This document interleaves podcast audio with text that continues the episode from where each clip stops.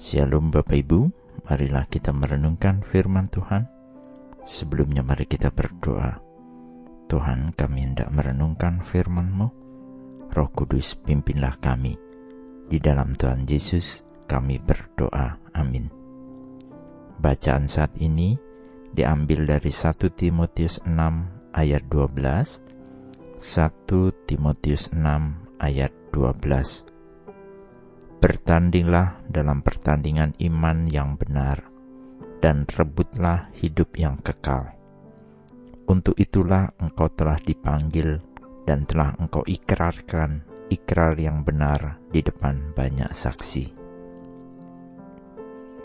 Suatu tantangan terkadang memacu seseorang untuk bertindak lebih aktif dan giat, lebih banyak berlatih, dan melakukan banyak daya uji Semisal seorang yang akan naik gunung, tantangan untuk naik gunung maka membuatnya berlatih lebih giat bagaimana fisik harus dipersiapkan dengan baik, berlatih ketahanan dalam cuaca yang ekstrim, mengelola perbekalan, serta persiapan mental menghadapi perjalanan, dan mungkin juga kendala yang bisa terjadi.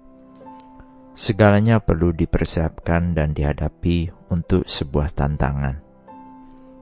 Seperti bacaan saat ini, merebut hidup yang kekal adalah sebuah pertandingan, yaitu pertandingan iman. Selayaknya suatu pertandingan, maka kita perlu mempersiapkan segala sesuatunya, baik fisik, mental, bahkan kerohanian kita. Pertandingan iman ini menjadi suatu tantangan bagi kehidupan kita, bukan lagi suatu beban dan persoalan di dalam kehidupan. Seperti halnya pertandingan, maka kita memiliki lawan yang kita hadapi. Lawan kita adalah keduniawian kita, kedagingan kita, iblis, dan keinginan diri kita sendiri. Sebagai orang yang percaya, kita tahu bahwa pertandingan ini telah dimenangkan oleh kemenangan Kristus di kayu salib. Namun, dalam perjalanan kerohanian tersebut, tantangannya ada dalam diri kita, umat yang percaya. Apakah kita menyerah ketika kita memiliki tantangan yang besar? Atau mungkin kita gagal dalam menghadapi godaan? Menjalani perjalanan rohani kita adalah bagaimana menjalani kehidupan berkemenangan di dalam Kristus. Ini tentang bertumbuh dalam kasih karunia dan dalam pengetahuan tentang Tuhan Yesus. Sehingga ketika semua tantangan itu terjadi, kita tidak goyah dan terus berjuang di dalam Kristus. Kita tidak menjadi lemah, namun justru menjadi kuat. Karena seperti halnya pertandingan, ada hal yang harus kita raih dan capai, yaitu merebut kehidupan yang kekal. Garis finish itulah yang harus terus memotivasi kita menghadapi tantangan.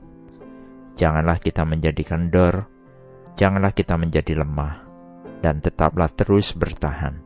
Seperti Yakobus 1 ayat 12 menulis, Berbahagialah orang yang bertahan dalam pencobaan, Sebab apabila ia sudah tahan uji, ia akan menerima mahkota kehidupan yang dijanjikan Allah kepada barang siapa yang mengasihi dia. Amin. Mari kita berdoa.